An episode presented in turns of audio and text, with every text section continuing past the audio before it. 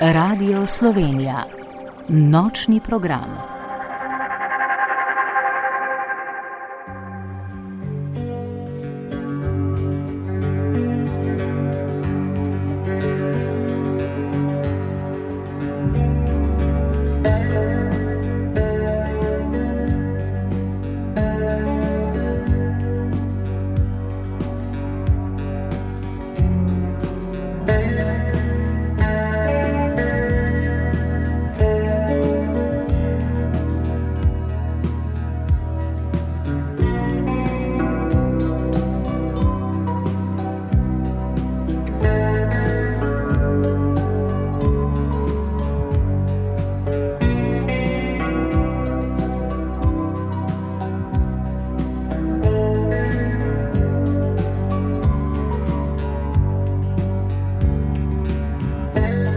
Dobro večer. V mrzlem decembru si zlahka zamislimo, da bi odpotovali na sansko destinacijo, na magično Novo Zelandijo. Daleč? Sploh ne, če vem, da me tam čaka sanski moški. Sansko, sanskim. Uvod sem zastavila po žensko, čarovno moški niso res spet tako drugačni, ko gre za te stvari. Zaljubljamo se eni in drugi to decembrsko noč bomo razgalili osebno zgodbo Mojce in Lumirja Berke, ki sta se pred več kot desetimi leti spoznala na otoški državi jugozahodnega Pacifika, eni najlepših držav sveta. A bolj kot peščene plaže, osupljive gore, fjordi, slikoviti ledeniki, vulkani, vrhojoči gejziri, pravlična jezera in nedotaknjeni gozdovi sta padla v oči en drugemu. Smo le v veselem decembru, ki je malo preveč okrancljan, kičas, če hočete, a je tudi zgodba teh dveh malo. Ne boste pa nam pravila samo v njej, ampak boste z nami delila številne vtise iz skupnih potovanj in predvsem dela na jahtah, kjer sta delala kot stevrdesa in mornar. Dolga leta bi lahko rekli. Jahting industrija je zanimiva. Delo na krovu zahteva vrhunski standard in najvišjo možno raven storitev. Člana posadke 65-metrskih jaht s sedmimi zvezdicami sta se že izkrcala in sta v našem studiu. Nista pa prišla samo ona dva, kot boste lahko slišali. Vabljeni na novo doživetja, ker dokler spoživi, se nam vse lahko zgodi. To noč bomo z vami tonski mojster Boštjan Repanšek, voditeljica Vesna Topolovec, dežurni novinar Luka Bregar in glasbena urednica Ida Kurtovič, vršilka dožnosti odgovorne urednice nočnega programa pa je Jana Bajžel. Dobrodošli.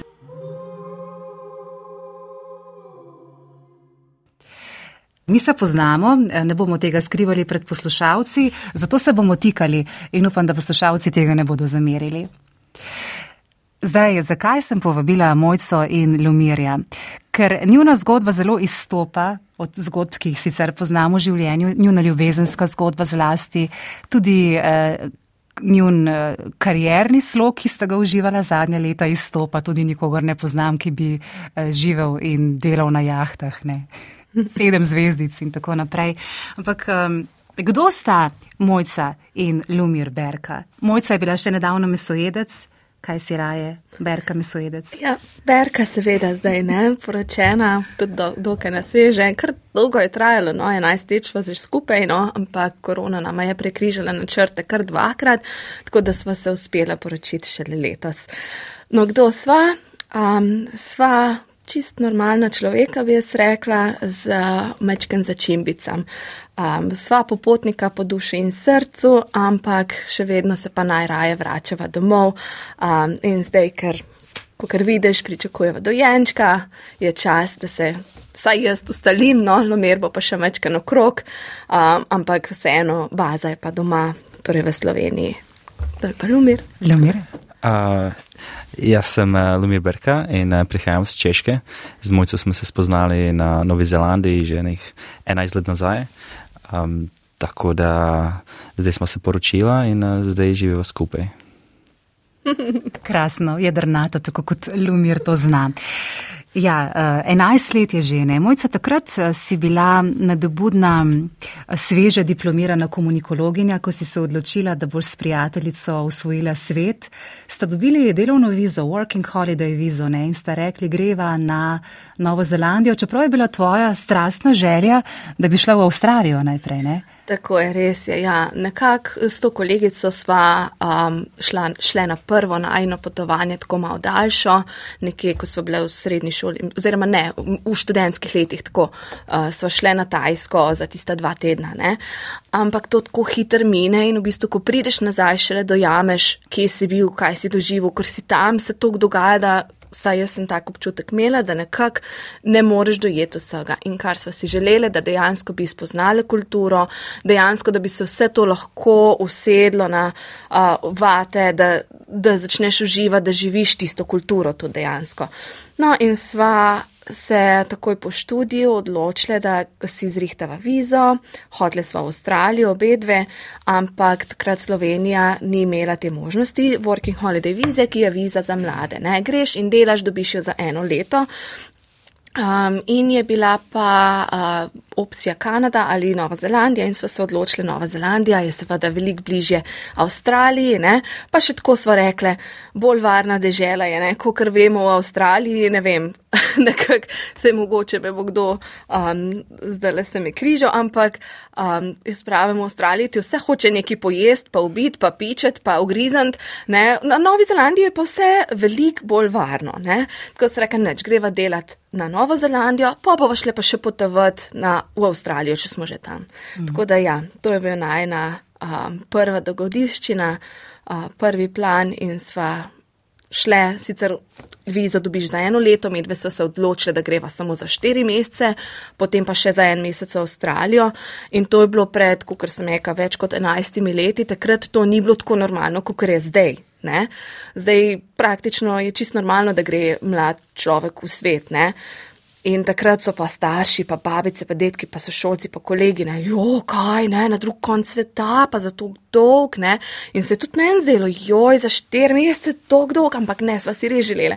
Zdaj, če gledam nazaj, ne, se mi zdi, pa zakaj nismo izkoristili cel let, če smo imeli možnost, ne. Mm. ampak v glavnem, ja.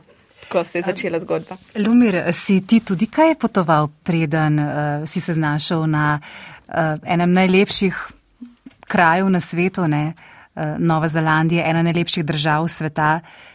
Ne, ne, nisem uh, nič potoval, nisem o tem niti razmišljal, ko sem bil v študentskih letih.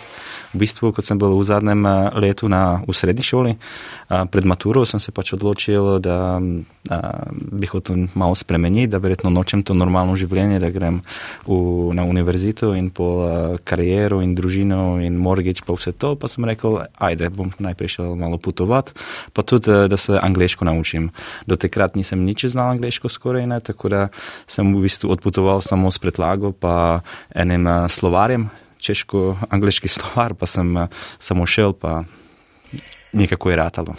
Iz katerega uh, kraja na češkem si doma ost? Uh, blizu, blizu Ostrave. Uh -huh. uh, moje, uh, v mestu, kjer sem se rodil, je Fridek Mistek, to je uh mhm. -huh. izhod uh, Češke. Ker Čehi um, nimate morja, ne?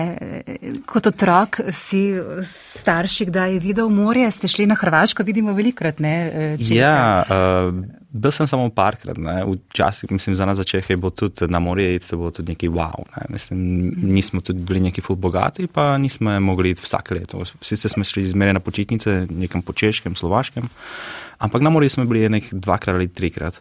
Prvič uh, sem šel, ko sem bil sedem let star smo šli prvič na morje, tam nekje blizu Makarske, pa je tako bilo wow. Ne. Morje sem samo videl po televiziji in ko prideš do morja, pa greš dol, pa vidiš vne volne, kako se razbijajo, mislim, ta maj, ja. mehni deseti centimetrski in uživaš. Potem pa tak preskok, eh, kar jugozahodni Pacifik, otoška država, eh, država Maorov in um, si se zaljubil na prvi pogled, tako kot si se v mojcu? uh, ja, mislim, dušil me, da je v bistvu svet uh, velik, ampak tudi mehen. Mislim, zakaj ne bi tudi mi mogli potovati ne, in videti vse te stvari. Ne? Mhm. Kako da ravno eh, Nova Zelandija svojo spektakularno naravo Mislim, mojca je najprej razmišljal o Avstraliji, ti bi mogoče lahko, kaj vem, v Grčiji, je vseeno ja. malo bliže. Ja, ja, res je. Ne. Jaz sem v bistvu res hotel se učiti angliško in najprej sem razmišljal iti v Ameriko. Uh, moja mama nekaj ni bila za Ameriko, uh, pa sem malo brskal po internetu, pa sem rekel, evo, kaj pa Nova Zelandija. In uh, tam nekaj se začelo. No. Čeprav je bilo pa zanimivo, kot je rekel, se je hotel učiti angliško, šel je pa v maorsko družino. ne, to je bila tudi taka anekdota na njihov jezik. Ja, mislim, še zmeraj govorijo angliško. Sicer ima en svoj slang, ampak nisem jih planiral, da bom šel k morski družini ne živeti. Ampak uh, tam sem se nekako odločil, da bi, uh, da bi malo hotel preživeti. Časa z domačinami. Maori tujcem radi pokažejo svoj jezik, eh, so mhm. kazali kaj jezika takrat. Tudi. ja, Maori so v bistvu ful zanimiv narod, uh, ful so srčni in ful so dobri. V bistvu zanimivi. No. Mislim, priporočal bi, da bi kdo pogledal na njihovo kulturo ali lahko šel na Novo Zelandijo. Ja, tudi vama je lastno to, da sta zelo srčna. Tako sem vajo jaz doživela. Zanimivo, uh, ptica kivi živi le na Novi Zelandiji. Videla ste se pa spoznala prav zaradi kivijev, ampak ne eh, zaradi živali, ampak v pakirnici kivijev. Ne? Eh, kako je ta zgodba pravzaprav potekala, ker eh, najprej si bila malo nezadovoljna ne? zaradi Lumirja, ko sta iskali s prijateljico nastanitev po tistem, ko sta že potovali malo po otoku, ne? potem sta končno našli delo in je bilo treba končati potovanja, poveš mogoče mojca malo na kratko, sta kupili avto, ne spali potem v prtljažniku ob morju, doživeli tudi hud potres, ne? Si takrat poročala za Slovenijo, je bilo mhm. kar hudo, ne? Ja, tako je, no, mi dva, kot sem ti že omenila, ne, v najnem pogovorem prej, nek denar moraš imeti našparan, torej da dokažeš, da se lahko preživljaš, ko greš na Novo Zelandijo. Torej, ko pridobiš vizo, moraš imeti ta dokazila z banke, da nekaj denarja imaš, seveda, da ne prideš tam in, ne vem, prosjačiš po ulicah. Um, No, in mi, da so ta uh, nekaj denarja imele našparano in zato so se odločile najprej, da sva potovali dva meseca po Novi Zelandiji in vmes sva iskali službo, sva jo tudi našle. Uh, kako sva potovali, res je, kupile sva avto, enega karavana, čistko, kufre sva imele v zadnje, v, v prtlažniku in zvečer, ko sva šle spat, sva jih lepo dale na prvi sedež in podarle. Uh, sedeže zadnje in dale tisto uh, peno sva kuple. In spalne vreče smo imeli in smo lepo spali, tako smo v bistvu živeli dva meseca, imeli smo tudi kuhalnik, smo si kuhali. Sam in tja smo se ustavili v kažem kampu, tako da se stuširaš malo, umiješ normalno, malo kažno poslo normalno dobiš. Ali pa če recimo je full dežval, ne, je tudi bolj prijetno, da si dejansko v kakšnem mogoče hostlu na mest v avtu. Ampak je pa res tako svobodo, imaš, ko potuješ okrog, pogledali sve se praktično celo Novo Zelandijo in medtem, kot sem omenila, sva že dobile uh, službo in so rekli, ne vem, čez tri tedne pridite tja in tja. In mi dve sva vmes potem iskale še bivanje, da bova tam blizu tega packhausa, te pakirnice kivijev in sva dobila kontakt od enega lumerja. Mendema on tudi tam živi, on bo delal tam in ima plac še za uh, dve, ne, za dve mesti. In mi dve napiševa njemu ta e-mail. Pa seveda, takrat, to je bilo 11 let nazaj, sploh pa Nova Zelandija, res ni bilo interneta. Ne? In če si hotel kakšen internet, si mogel iti ali v knjižnico ali v kakšen bar, pa je bilo, ne vem, 3-4 dolarje na 15 minut ali pa pol ure. Tako da je bilo kar problem s tem internetom, ampak mi, smo šle, pa skozi, pa ni bilo tega lomerja, ni bilo um, odgovora od njega. Ne? In so kratko malo se nama je zameril, ne? kako ne moreš odgovoriti, ne? ampak ok, so vmes še že nekaj druga najdle in kako so se dejansko spoznala, v bistvu prvi dan dan, ko smo začeli v pakirnici dejansko delati, naj cimer, Nemc, je pobral, je rekel, jaz grem enega lomerja še pobrati tam, rabi prevoz. In je, oh, mogoče pa tudi tisti lomer, ki naj jo ignorira. Ne? Ampak to je to, ne, mal je bil hec. In pa smo se nekako, ja, mi smo prišli z avtom in ona dva z avtom pred pakirnico Kivijo in gremo ven. In tako, ne, tisti Nemc, naš kolega, je rekel, no, to je pa Lomer, to so mojca pa Anja.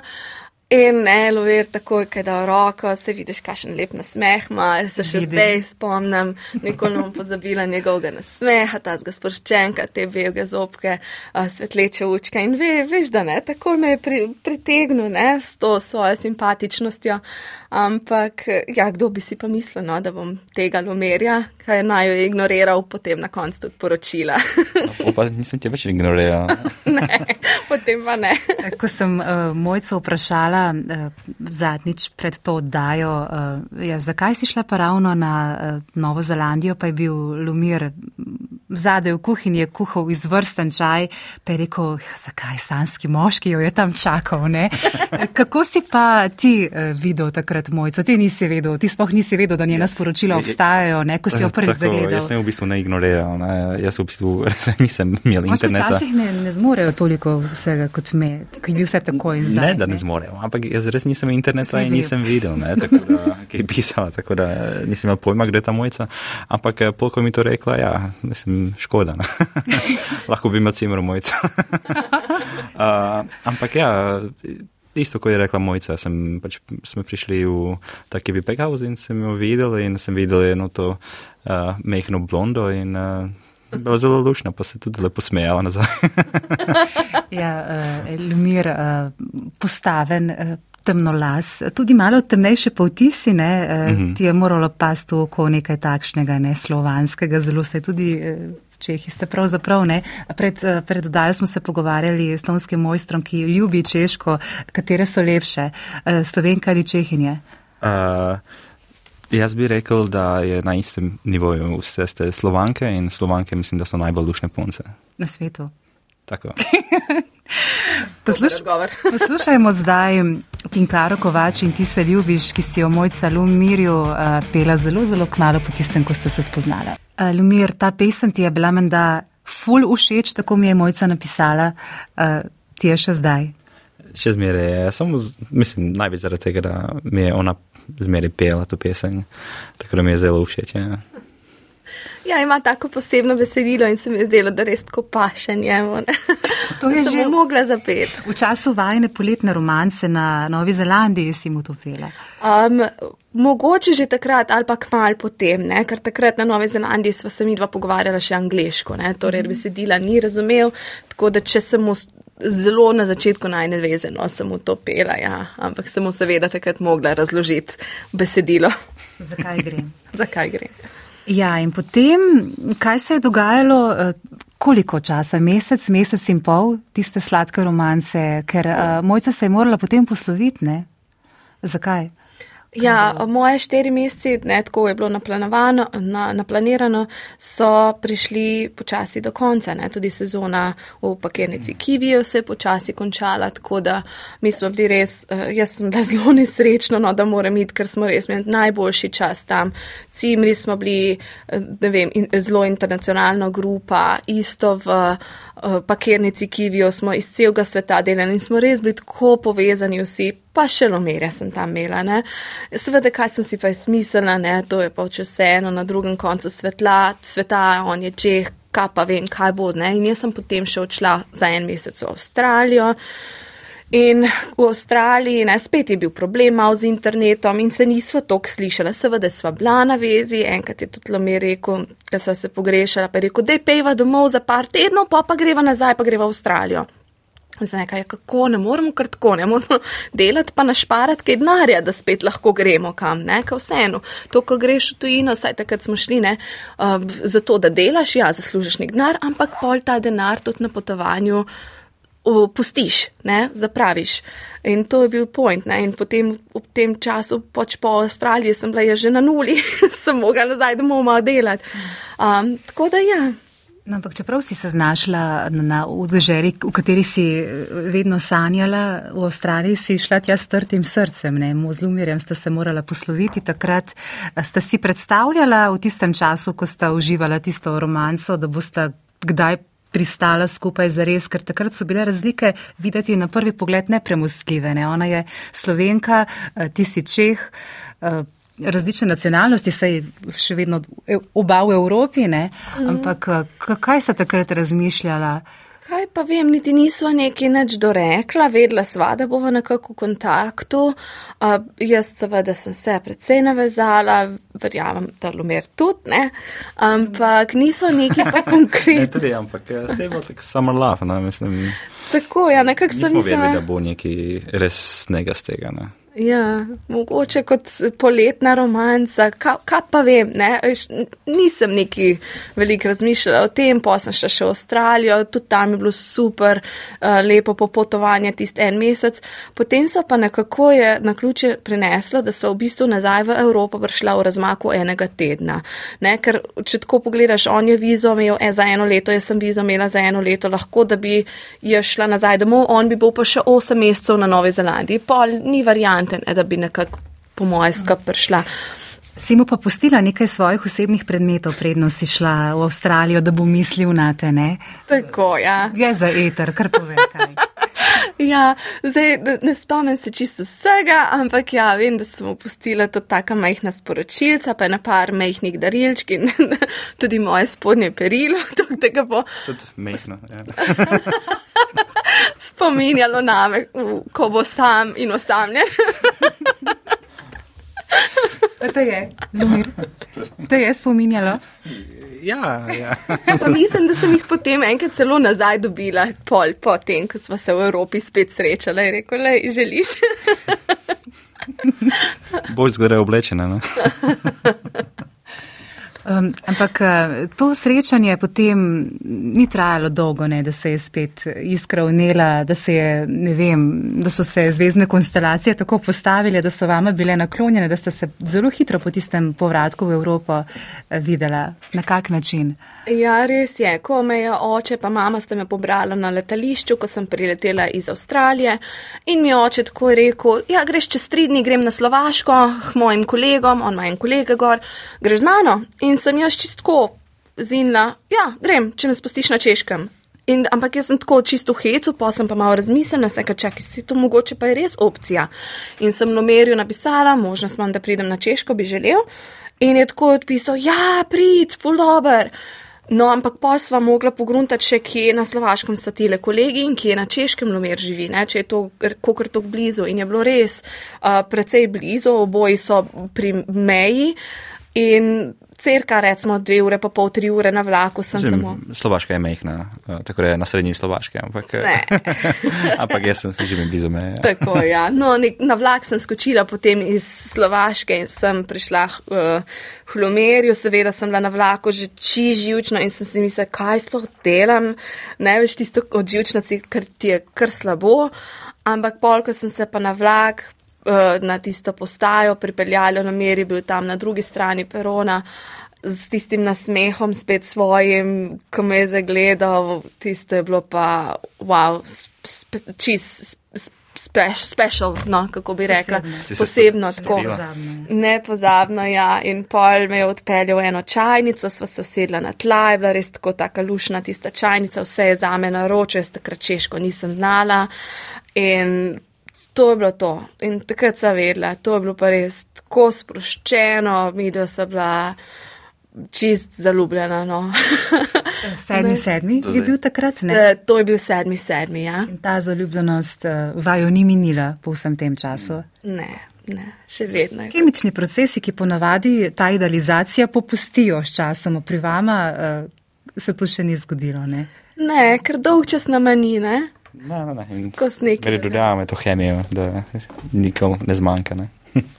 Um, zdaj češčino, eh, mojce tekoče govoriš, ne? Uh. -huh. Lumir eh, slovenščino tudi ne. Trudim se. Ne, ja. Se trudi. Uh, Moram reči, da Lumir bolj slovensko govori kot jaz češko. Uh mhm. -huh.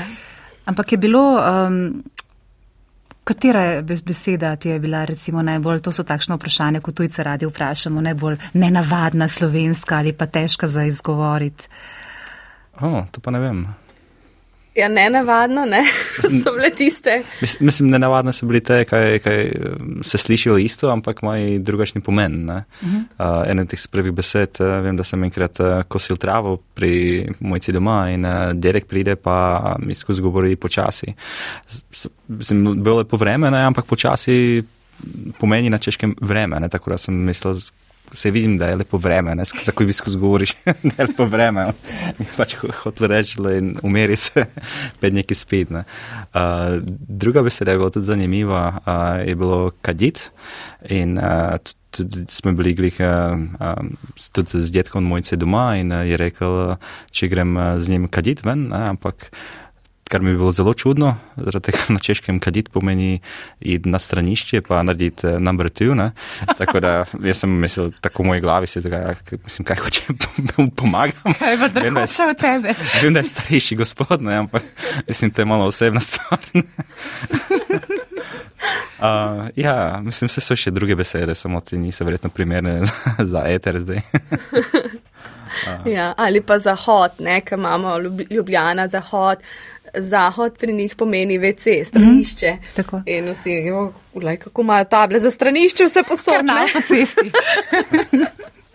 Ja, ja, eh, sprašujem te, Lumir, eh, po slovenskih besedah, ker si zelo hitro si se potem preselil v Slovenijo, ne, po tistem, ko ste se z mojco srečala na Češkem, ja. je bila povabljena nenadoma že kar na, na veliko slavje, ne, družinsko, potem pa si kaj povedala doma, mojca, da boste dobili novega družinskega člana, ampak ne, dojenčka to zdaj po 11 letih, ne, da bo kar se zdaj novi mož preselil, mislim, včasih imajo očeti, takrat si bila še dosti mlada, ne, mislim, koliko. Ja. 24. Takrat sem ne? bila 25, Dobro, ja. Že dozorela ženska odrasla, ampak vendar vem, da ste zelo povezani v tvoji družini. So imeli starši kaj težav s tem, da boš pripeljala enega čeha, ki ti je mogoče povedal pet lepih stavkov? Pa ga krvaviš zdaj v nov dom, k sebi doma. Moram reči, da v bistvu težav nobenih ni bilo. Je pa res, da jaz tudi nisem vprašala, če ga lahko pripeljem. Jaz sem samo rekla, no mer pride, v Slovenijo, bo tle živel in najde službo. Čist meni se takrat tako logično to zdelo in sploh se ne spomnim, da bi tudi moji starši rekli, kar me zdaj le čudi, ne, jaz sama nad sabo sem zdaj le malo tako presenečena. Zakaj nisem se, veš, da bi bila kaj živčna ali pa kaj vprašala, ker lahko Lomir pride? Ne, takrat je bilo čisto logično, Lomir pride dol, pika. In so se nekako strinjali, noben mi ni nič rekel. To, če, če se niso strinjali, niso rekli, ne vem. Ja, sem se tudi vprašal, kaj pa tvoji starši se strinjajo. Ja, ja, ja, v redu. Ja. ja očitno, je se očitno so se le. Ne, mami je pol zelo hmal, mislim, lumer je res tak uh, srček, pa deloven zelo. In mami je tako je rekla, mojca, če greš na razen, jaz ga bom posvojila. Tako da. Je zdaj um, ustvarjata svoj domek, imata že pravzaprav že v, v enih zadnjih faz, ne, čudovito eh, domovanje v novem mestu. Večina ročnih del spretnosti je zaradi, mislim, tako lepo izgleda zaradi tebe, ne. Ti si glavni mojster, pustimo specialiste zdaj, ko pridajo mizari, pa keramičari, pa elektroinštalateri. Mislim, tako skupaj smo um, dizajnirali to stanovanje, ampak uh, imamo tudi uh, približno isto. Um, Enako kus? Okus, tako, tako, okus za, za, za dizajn, tako da v bistvu je šlo. Mislim, obrva smo imeli velik besed pri tem. Um, Dobro je bilo tudi, ker sva res veliko potovala, praktično v teh enajstih letih, kar sva skupaj, sva bila v Sloveniji, mogoče slaba tri leta vse skupaj. In vse posod, kamor sva šla, sva dobivala ideje, ta ideja je dozore, dozorevala dolgo, dolgo in tudi razne recimo dekoracije ali pa ne vem, sovnica pa za poper, pa razne te okraske, pa posode neke. Mi dva sva iz vse posod po svetu že leta in leta, uh, za najn bodoči domek kupovala in so imela omare in omare že tega skozi leta, pa sploh še nismo imela stanovanja. tako da zdaj je pa tako lušno, ko odpakiraš nekaj, kar si kupo pred sedmimi, osmimi leti, ne vem, na Tajskem, v Kanadi, ne vem kje. Wow! To imamo točno super, ker imamo pa res tak, všeč nam je naraven stil, les, uh, steklo, kamen, da želiva si v bistvu, enkrat mi je sestra rekla, ja, pa ne moreš imeti stanovanje tako, kot bo občutek, kot da živiš v gozdu, ne, to je bolj za vikend, smeka, ne, jaz bi živela na vikendu skos, ne, jaz bi skos se rada počutila, kot da sem v gozdu. Ja, tisti leseni tramovi pri vama doma in pa. Eh, Okusila sem odličen čaj, uh, si ga spretno mešal z lesenimi žlicami iz Tajske in nalival z zajemalko iz Azije. Ja, ja.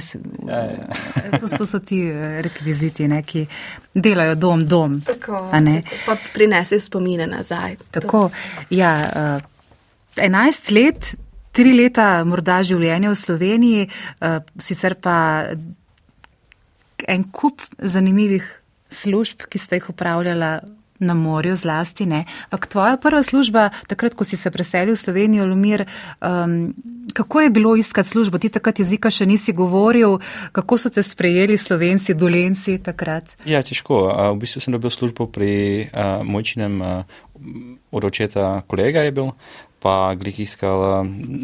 Uh, močno delo v, za mizarstvo, tako da, tako da jaz sem bil frej in uh, sem še pač delal. Uh, to bo pač sreča, da sem v bistvu dobil to delo, ne. druge ne vem, kako bi bilo lahko. Uh mhm. -huh.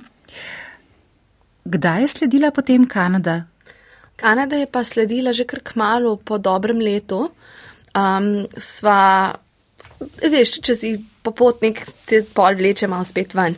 In sva rekla, ok, Novo Zelandijo smo izkoristila, ker jo lahko samo enkrat izkoristiš vizo za določeno državo in edina opcija je potem bila še Kanada, kar nama sploh ni bilo panike, ker oba obožujeva naravo, obožujeva uh, gore um, in konje in ranče in kavbojski stil življenja. In to nam je bil cilj, da bi šla nekam na deželo. In uh, ta skladba, ki sledi, vajo zelo spominja na tisti čas. Mojca in Lumir Berka sta naša gosta v oddaji Nočni obisk. That's my kind of night. Je po vajnem okusu večerni čas, ta bolj jutranja večerna človeka? Bolj večerna, oba dva. Mm. Kako se vam le sketajo oči, ko gledate en drugega? Res. Ta skladba, ki se je zdaj odvrtela, Luke Bryan, vaj spominja na tiste čase, ko ste šla v Kanado skupaj, tam pa skupaj uh, povejte nekaj v tistem času. Ja, e, isto kot na Novo Zelandijo, dejansko sva e, si uredila samo vizo, imela nekaj denarja našparanega in imela letalsko karto kupljeno in to je to. Sva šla v Kanado. Kam najprej, v katero mesto? V uh, Pickering, ne, Ajax, to je blizu Toronta. Mhm. Spada pod Toronto, ja. Kako? Spada pod Toronto. Tako, ja. In tam smo imeli neke znance od znancev od znancev, da smo imela prenočišče za par dni. Um, saj to ne, vseeno ti je lažje, če, če imaš nek, um, neko pojstvo za prvih par dni. Potem sva si uredila vse papirje, torej um, št, nacionalno številko, bančne kartice in take zadeve, kar rabiš, da si našli, najdeš službo in sva takoj v akcijo stopila in kar hitro našla a, sicer začasna dela. Lomer je imel zelo zanimivo sprehajanje psov v parku brez povodcev. A bi Lomer kaj v tem povedal, kako je bilo sprehajati pse? Mislim, da jih je bilo 60 mislim, na enkrat. Mislim, da takrat niti vedel, da to je delo, da je v bistvu človek za to plačan. Uh, ampak bilo res zanimivo. Smo se v bistvu odpeljali v dveh kombijih, gdje smo imeli po 15 psov, pa smo šli v en park. In uh, tam smo pač se, se spustili, pa spet sprehajali. Ne? In uh, tam pol sreča še druge skupine, in tem, druga skupina ima tudi nekaj 15 psov, pa tretja skupina tudi nekaj 20 psov, ne? pa naenkrat okrog tebe samo laufa 60 psov. Ne? In je zanimivo, no? pa imam en kop uh, palce lesenih, ne pa samo pač eno za drugo mečem, pa vse tam vsi psi, vsi psi se samo se zagnajo. Ja. Zanimivo je bilo. No. Pa, kako ste jih pa potem posortirali, da so šli vsak v svoj konec? Mi smo šli pač samo naprej, tam bili tako različne potke, ne, tako da vsak prišel po neki potki, ne, neki odprti plac, ampak kot so se poigrali, pa smo samo šli, malo poklicali imena, pa, pa so se neko razporedili. Pa, je šlo. No. So pre, prepoznali žvižk lastnika? Oziroma... Tako, sem pa tja se zgodilo, da je nekdo poklical, hej, tvoj pes je tukaj, pa, pa je zažvižgal, pa je že pritekel.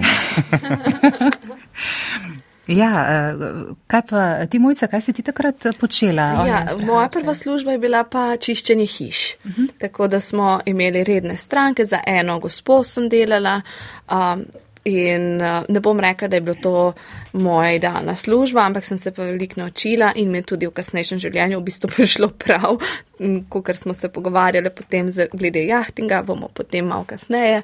Ampak um, ja, denar sva rabila, najemnino sva rabila plačati, um, tako da to je bilo edino, kar je bilo.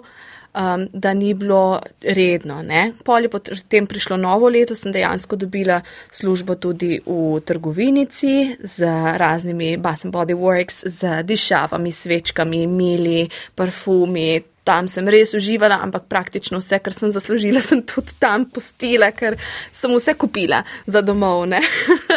sem imela ja. cel kufr tistih dišavic, pa vsega za domov, ker je res vse tako dišalo. No. Tam sem res uživala, ampak ker sem nekaj pol, ko je novo leto minilo, je bilo pa samo dvakrat na teden, ne, da so me rabili. In najna želja je bila pa zmeraj iti nekam na ranč, delati s konji, skozi sva iskala to in sva dobila kar hiter so rekli, pridite, kolikor hiter gre. In sva, evo, kupila še isti dan karte za vlak in smo tri dni, tri noči se peljala iz Ontarja do Alberte v Red Deer. In uživala v osupljivih prizorih narave, ne? Eh, prerija, eh, ta eh, značilna kanadska visoka trava, travna cvetne. Mhm. Kaj ste videla od blizu? Te tipične živali. Res tam, je, tam bila je zima, tako da je sicer bilo vse belo, ampak to je neverjetno, to so dnevi in noči same ravnine. To, ampak jaz, mi dva so tako uživala v razgledih Vantan. Je bil tudi vagon, panoramski vagon, kjer si lahko videl ven, ker so, je bil cel steklen in vidiš od losov, jelenov, um, kojotov. Ne vem, meni se je zdelo, da sem tudi volka videla, ampak verjetno je bil velik kojot. Mogoče so tudi, ja, pa tiste preriske kokoši, kot jim rečejo, ne.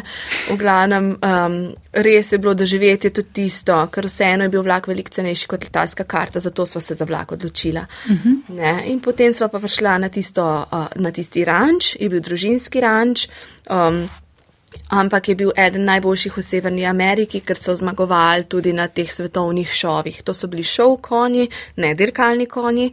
Um, imeli so 80 konjev in mi dva sva bila dejansko deklici za vse, ne pomočnika na tej farmi. Kaj sta počela Alumir, kakšne so bile vajne zadužitve? Ja, zjutraj se je začelo, da smo um, konje mogli um, peljati ven v ograje, ki so oni lahko zlaufali, pa smo recimo te štale smo, um, uh, mogli spucati in uh, potem smo se vrgli kar v treniranje teh uh, konjev, tako da smo mogli malo zlaufati pa zjahati in je malo učiti. Pa skrtači to sedlati, vse to. Um, za vse so mogli skočiti. Ne? Tudi pri parjenju no, smo pomagali, ker smo imeli žrebce in kobile za vzrejo, in tudi vsako leto smo imeli tam nekje 12 do 14 žrebičkov. Pri kotitvah, torej Tako. potem tudi. Pak vidva, uh, sta bila v Kanadi dve leti in tam bi ostala za zmeraj, če ne bi bila tako tesno en in drug povezana s svojima družinama. To vajo je vleklo nazaj domov. Sta se prav takrat odločila, ker potem se je začelo spet eno čisto drugo poglavje zelo hitro. Takrat Kanada, mi dva sva res zaljubljena v Kanado, fulje dobra, fulje lepa, skalno gorovje je wow, videla sva medvede, kamperala sva, uh, šla sva pohajkovat gor, uh, poho pohodništvo, ne, um, sva šla, ne vem, na dva pohoda dnevno. Um, edino, kar je zima, je res dolga in močna. Naj, najbolj, mislim, tako šest mesecev je skos sneg in največja zima, kar je bila, je bilo minus 54 stopinj. Ne? In to je res, si zadekan, si oblečen, se te ne zebe, ampak vse en, dolgo je, ne? sploh če delaš na farmi, na ranči, je zelo težko delo, fizično. In potem sva rekla, da je va menjati službo, ne, ne bova šla še v eno zimo, ker je res naporno in potem bi si mogla novo delovno vizo, ker takrat pa že nismo imela več working holiday viza, ampak je bila že delovna. In je veliko energije, veliko denarja ne, za take vize. In pa so pa rekla, zdaj, če bova novo vizo si naredila in nove službe dobila, to pomeni, da bova verjetno v Kanadi za zmeraj ostala. In sva mogla tehtati, kaj narediti. Moram reči, da jaz sem bila nekako za bolj za, da greva nazaj do, v Evropo. Lomer je bil mogoče malenkost bolj za, da ostaneva v Kanadi, ampak na koncu sva se skupaj odločila, da greva nazaj v Evropo. Vseeno nama družina veliko pomeni, moja sestra ima tri hčerke, imam nečakinje, ki jih obožujem. Skupaj starši smo si zelo blizu, isto Lomerjeva stran. In vseeno je Evropa bližje. Ne? Če se kaj zgodi iz Slovenije na Češki, smo lahko v sedmih, osmih urah če sva pa v Kanadi, pa se kaj zgodi, rabeš pa minimalno tisoč evrov in pa en ali dva dni, da prideš mhm. domov. Pak, um, Za mojca je vseeno bilo lažje in je lažje, ker ona je ostala v stiku, mislim, zelo tudi pravzaprav v neposrednji bližini živi svojo družino. Um, zate je bilo to nekoliko teže, verjetno ta ločitev. To je bilo tudi prvi krat, da si zapustil dom, ne, pustimo Novo Zelandijo, takrat ste bilo študentsko potovanje, recimo, ne, poizvodovanje, okušanje sveta. Kako si se navadil na to, je bilo kaj težko? Zaradi... Ne, v bistvu sem bil, se, se sem neko hitro navadil. To, že sem šel eno leto že na Zelandijo in pol, kot sem prišel nazaj na Češko, moja ena ta mojca ze Slovenije povabila, živel v Slovenijo in in pol, da greva v Kanado, tako da v bistvu sem že navajen, da, da malo tako potem po svetu, pa sem pa tja, da pridem malo domov, pogledat, uh, pozdraviti. Prešlo. Si uh, v stiku s svojo družino, se v bistvu obiskujete? Zelo, ja, ja. Odvisno, um, kakšno delo grih malo ali kje smo, ampak probavam, da grem enkrat ali dvakrat na leto domov, da vidim družino in prijatelje. Uh -huh. Ja, ampak Ja, moram pa tudi reči, da v bistvu ne, so vse nekako odločili, oziroma je bil tudi pogovor, kje živeti, ali Češka ali Slovenija, ampak nekako je bila tudi Lomerjeva pobuda, da bi rajše v Sloveniji živel. Nje, on se je zaljubil tako v Slovenijo, všeč, fulmarat morje, všeč mu je, da, da imamo, ne vem, gremo eno uro pa pol iz mnoga mesta, pa smo na obali že. Um, tako da je tudi on nekako že od začetka bil bolj nagnjen k temu, ne, da bi bila na Sloveniji. Slovenija mi zelo res všeč. Ne.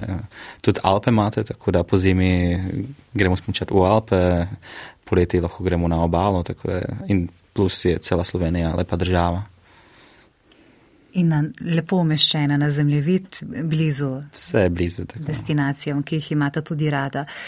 Ja, um, se bomo preselili zdaj iz Kanade počasi uh, nazaj na, na drugim, druge koordinate. Ja, uh, če tudi uh, vajo še ena skladba zelo veže na tisti čas, Josh Turner, Your Man.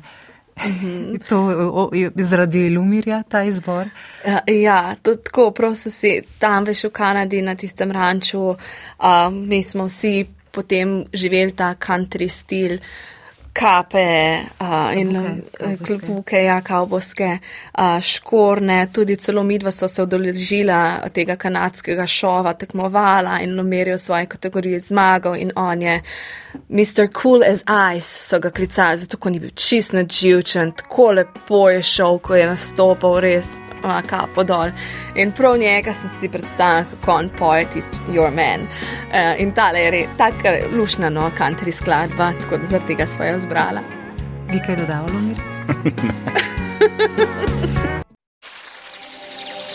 Prvi program Radia Slovenija.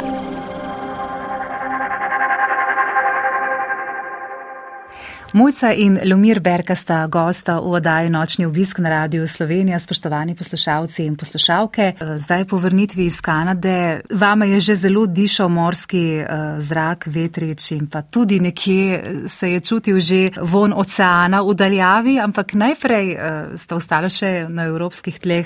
Mojca, ti si šla v Turčijo, sicer imaš v svoji preteklosti kar nekaj dobrih rezultatov, bila si v slovenski smučarski reprezentanci, odlična odlična si bila v Super G-ju, kaj ne do tvoje poškodbe, tako da si lahko ta znanja zelo dobro uporabila potem tudi na teh animacijah. Daj nam povej, kaj v tem obdobju. Smučanje, ja, to je bilo prej v moje mladosti. Ja, trenirala sem smučanje do cirka 18. leta. Tako da ja, veliko smo bili po Švici, Italiji, Avstriji, ampak kar sem nekaj kaj videl do sveta nismo, ampak ja, mi je bilo naravno, da, da sem bila velik z doma. Uh, potem sem se poškodovala na tekmu na Super G, sicer discipline so mi vse nekako enako približno šle.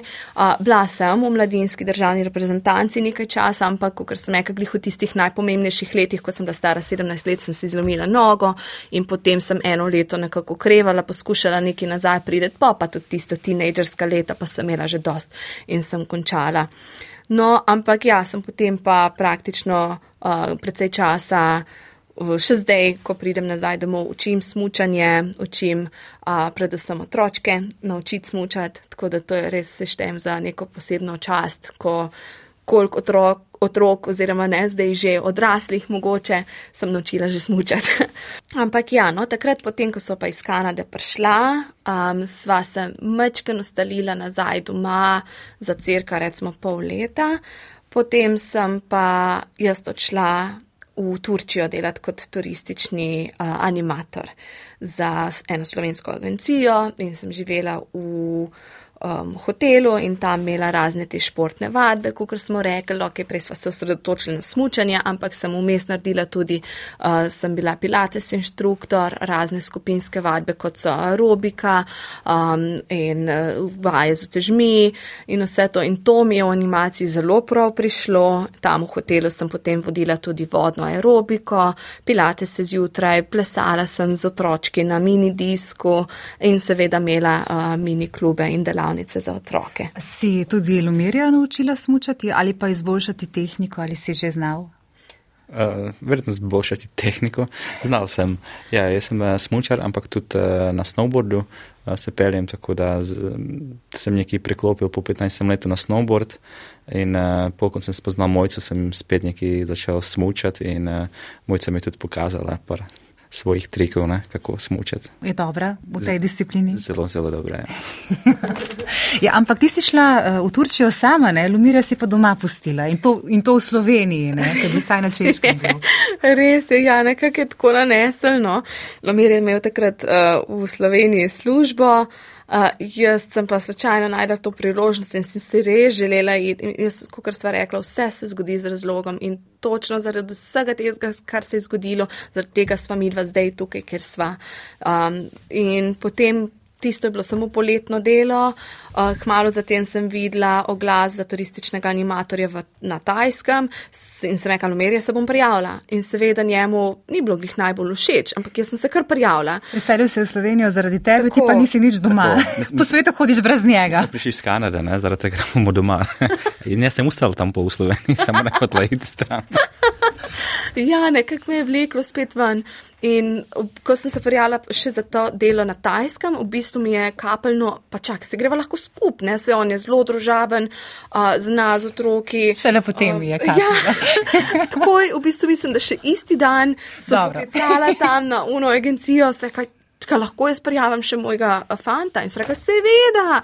In sem še njega, njegov CV uh, poslala tam, skupaj smo šla v Ljubljano na razgovor in bila sprejeta oba dva. Bili so v bistvu navdušeni tudi nad najnim um, jezike govoriva, popotnika sva, torej ni nama problem pa prijeti za kakršno koli delo. In ja, nekako so pol pristala v teh turističnih animacijah za še dodatno leto pa pol nekaj tacka. Delala sva celo poletje v Napagu, v kampu, kjer je bilo 4000 ljudi. To je bilo res taka ena izkušnja, full dobra, mi smo uživali, veliko smo delali sicer, ne, ne bom rekla, da plača je bila uh, fantastična, ker ni bila glih, ampak važno je bilo to iz, izkušnje, pa, pa mi dva sva res uživala. No. Kar se tiče kar dela, jaz sem recimo imela bolj, kar se tiče pilatesa, joge, zumbe, veliko smo plesali, a, a, vodna aerobika. Lomer je imel pa bolj tele, a, kako bi rekla, moške športe. Mogoče, jaz nisem bil za zumbe. Ampak si pa tudi ti treniral, ne, ko si bil mlajši. Ti si štiri leta mlajši od mojca drugače, ne? Tako je, natančno več, štiri pa pol. Ja. Skoraj Hvala. Pet. Skoraj pet. Ja, zadnjič, ko smo se pogovarjali, si rekel mladin, mla, mladenič, mladina, ne. Vas ste zelo mlada. Tako pravim, mlado meso sem si nabavila, ne. tudi ti si se športom ukvarjal, ne, to ti je potem zelo prav prišlo pri teh animacijah. Tako, ne, šport mi ne bil neki um, tuj, ne, tako da jaz sem tudi treniral nogomet, košarko, pa. -huh. odbojko, tako da to mi v bistvu bilo dobro pri tej animaciji, tako da sem imel tudi veliko teh športov čez eh, pa tekmovanj. Tako da je bilo res eh, zelo lušno, dobra izkušnja, ne bi tudi zamenjal. Ja, drugače, uh, moj za ti si komunikologinja, uh, ti pa si grafični oblikovalec. Tako je, ja. Ampak poprijela sta pa za, za vsa možna dela, tudi jezikov sta se zdaj naučila v Kanadi, izpilila angliščino gotovo do potankosti. Ne? Zdaj ti tudi mojca govoriš češko, lumir slovensko, potem pa v tisti fazi, do katere bomo še prišli, ne? se pomudimo na tajskem še kakšen hipec, potem pa se preselimo res na jahte. Uh -huh. ja. ja, tajska je bila tudi. Uh, taka zelo lepa država, ne? tudi sem si velikrat želel tam imeti. Tako da um, mi smo v bistvu tam živeli v enem uh, hotelu, ki smo imeli tudi vse te animacije, čez uh, hotel je bil tudi čisto po plaži in v bistvu moje vsakodnevno delo je bilo, da sem igral na plaži odbojko. Jaz sem v bistvu užival, samo se bo oblečil kot animator, ampak uh, itek, uh, jaz sem tako kolegijalni človek, tako da mi. Družaben. Družaben, ja, tako da z ljudmi sem samo užival, tako da za me to delo je res fantastično. Mhm. Sanjarila pa si o tem, da bi delala na ladjah že mnogo, mnogo preden sta se znašla v jahtingu. Kako si prišla do tega prvega stika? Ja, čisto v bistvu po naključju, slučajno, potem po Tajski sva bila spet pol leta na Hrvaškem, dol v Dalmaciji kot animatorja v enem hotelu in je bil tam, uh, smo imeli lep fitness in je bil en fitness trener tam in smo se enkrat zagovorila malo in sem rekla, ja, to je najna zadnja taka avantura, po, preden se ustaliva. Edino, kar mi je škoda, da nisem na ladjah nikoli delala, to sem rekla, ker mi je bilo res tako neka želja, da bi na ladjah, ampak jaz sem imela bolj v mislih križarke. Pa je pa on rekel, zakaj pa ne bi šla na jahte delati, ne? Pa sem kakšne jahte, jaz niti nisem vedela, da jahting obstaja. In mi je mal povedal, da sta on in njegova žena naredila vse certifikate, ker jih rabiš kar precej, preden dejansko stopiš na jahto. Ampak potem je ona zanosila in nista nikoli šla. Potem sem se s to njegovo ženo dobila in sem rekla, da mi malo povej o tem, kaj sploh je straben, kakšne certifikate. Mi je malo povedala o tem, potem sem jaz googlala. Našla sem tudi eno punco Slovenije, ki je prav knjigo napisala tudi o tem in sem jo kar lepo poklicala in ona mi je dala par dodatnih informacij. Do takrat sem se jaz v bistvu že na vse te certifikate sem naju že prijavila na pomorsko šolo dol na primorskem.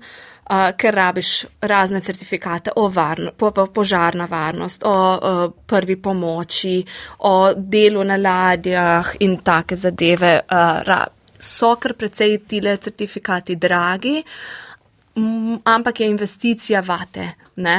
ker na podlagi tega lahko potem dobiš službo, brez teh certifikatov ne moreš. Ne? In hmalo se ti pa tudi povrne, ker vseeno uh, plače so potem um, kar, kar dobre no? na jahtah. Kaj potrebuješ za delo v tej industriji, vse te uh, vajne izkušnje, ko sta bila res pridna, ne, ko se nista obremenjevala s tem, da sta študirala, ampak sta poprijela za vsako delo, so bile takrat res zlata vredne, ne samo ti papiri, eh, ki, jih, eh, ki sta jih morala pridobiti ne, in tudi drugo plačati, uh, so bili hvaležni potem, ko si ti recimo že v Kanadi čistila po, po hišah, potem pa si sicer zelo lepo uniformirana, potem na 65 metrskih jahtah za kdo ve koliko milijonov evrov, ne, to lahko počela. Ti je bilo kdaj težko? Ali si se počutila fino in nobel, ko si opravila takšno delo? Oboje, ne. Če tudi čistila nekaj... stranišče. Ja, ja, ja, seveda, to je sestavni del. Enostavno, ampak kaj je pa res, da se naučiš učinkovito, hitro in pa um, pravilno uh, čistiti. Meni to zelo prav pride v vsakdanjem življenju doma.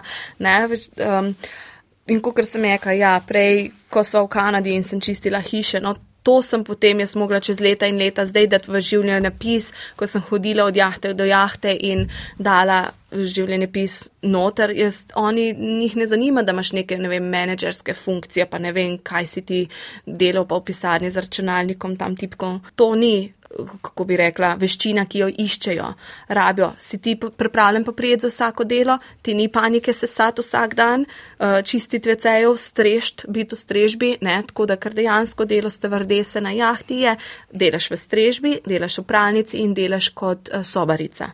Ne? Seveda, recimo, jaz sem imela potem, imajo pa, če imaš pa dodatne veščine, kot recimo jaz konkretno sem imela, uh, jaz sem pilates inštruktor, imela sem skup, uh, druge vadbe še, veliko sem se z jogo ukvarjala, tako da če so želeli gostje delati kakršen koli šport, sem bila jaz ta športna oseba, odvisno seveda, na katero jahto prideš. Na prvi jahti niso sploh želeli, da povem, da sem. Pilates inštruktor, ker mi niso hoteli zgubiti v drugih za druga Področji, dela. Obladala, tako, ja. tako. Pak, ko pa, kako se je zgodil ta uh, premik iz Slovenije, potem do jaht, nista kar prišla jutri na eno jahto, sedemzvezdnični uh, luksus, ampak sta se morala kar Ne, v bistvu smo Lumir. zvedli, da na jahte, če hočeš dobiti delo, v bistvu najlepše je, da greš eh, tam, kjer so te jahte, ten center jaht. Ne?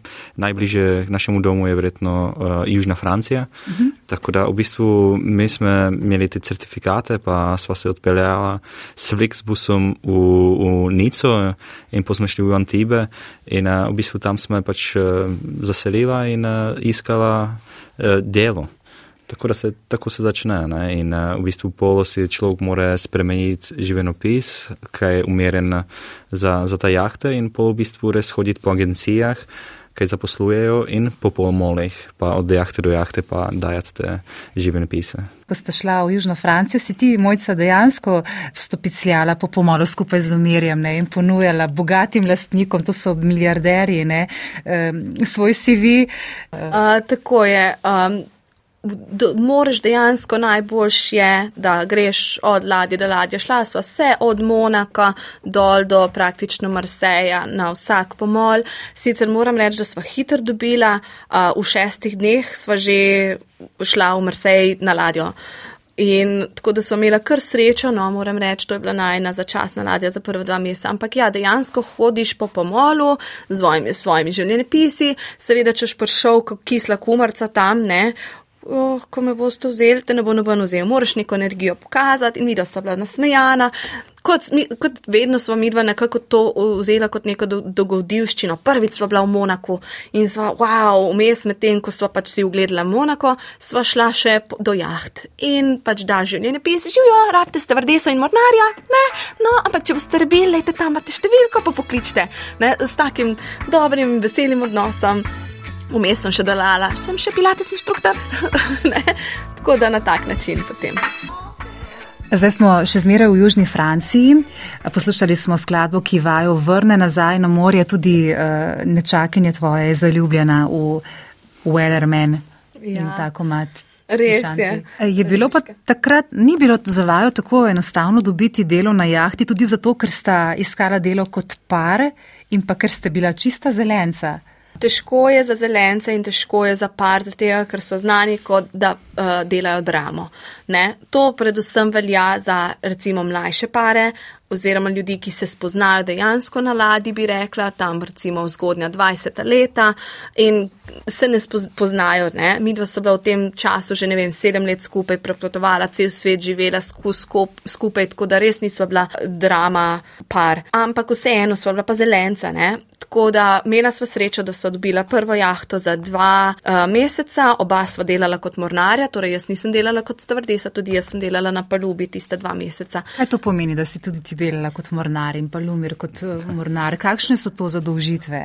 Ja, glih, recimo, če, če je ladja v shipyardu, ne, ko miruje med sezonami, uh, se pa delajo zdržovalna dela. Mm -hmm. Tako da zdaj odvisno. Um, kaj za delati zunaj, ampak je to od njega lesa ali kakšnih dragih materijalov, ne, da se mora nekaj narediti s tem.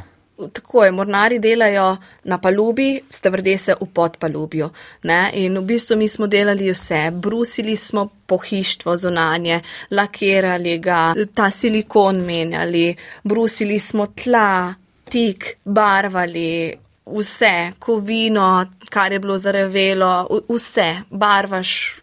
Še pa jošno bi rekla, vse Mere. delaš vzdrževalna dela. Tako da veliko se tudi naučiš ne? in vsako znanje v bistvu tako je dobrodošlo za naprej. In je, je v bistvu pol na profesionalnem nivoju, ne? mora biti vse natančno, kar je, kar je tudi zelo zanimivo, ne? da si človek vzame čas pa da nekaj naredi natančno. Ta prva jahtinki izkušnja se je končala, ne? Pa potem ste pa potovali ločeno naprej. Tako. Cela dva meseca, ker so imela tam službo, sva pošiljala prošnje za pa CV-je da, za skupno delo, ker sva rekla, da se ne bova ločila, da bova skupaj šla delati, ampak nekako ni šlo. Um, in pa sva videla, da dejansko bova mogla iti za prvo sezono vsaj na razen, v smislu vsak na svojo jahto, tako so nam vsi uh, svetovali, pejta posebej, na koncu sezone bo ena od vajnih jaht zihr imela prostor za drugega. Ne? Če se recimo, če te spoznajo ljudje, um, vejo, da si dober delavc, um, ne, mal je risk. Uh, rizično tudi, da vzameš dva človeka, pa da vidiš, da delata dramo, recimo par, ne, in, ali pa da nista dobra delavca, torej če odpustiš enega, bo drugi verjetno avtomatično šel, torej izgubijo dva človeka naenkrat. Um, tako da mi dva sva ja, no, na koncu sva dobila, Lomer je dobil uh, službo na 92-metrski jahti, jaz sem dobila službo na 65-metrski jahti in sva bila eno sezono poletno ločena, ampak hvala Bogu smo nekako imeli isti urnik in smo si sledili in tako da sva se čez tisto poletje lahko celo dvakrat videla. Je bilo pa res na ključje, da Lomerju je potekla pogodba 9. oktobra, v Monaku je prišla njegova ladja, jaz sem ga z našim avtom od naše ladje, smo bili tudi zasi, um, privezani um, v Kapdaju, ki je um, pomol zraven. Monaka v bistvu in sem ga samo pobrala in ga pripeljala na našo ladjo in drug dan je že začel na naši ladji delati, ker mi smo pa rabili enega mornarja. Tako da točno tako se je zgodilo, tako da moram reči, da se je vse poklopilo, kot se je moglo. Živiš samo enkrat in če to storiš pravilno, je enkrat dovolj. Vidva sta uh, začela uživati čas vajenega življenja res v vsej popolnosti in polnosti na teh jahtah, tako v smislu potovanj in v smislu uh, izpolnitve eh, karijerne, mislim, karijerne. To je bilo sigurno neko prehodno obdobje za vajo v življenju. Ne? Zdaj uh, boste kmalo postala starša, ampak ste gotovo v tistem času najbolj uživala.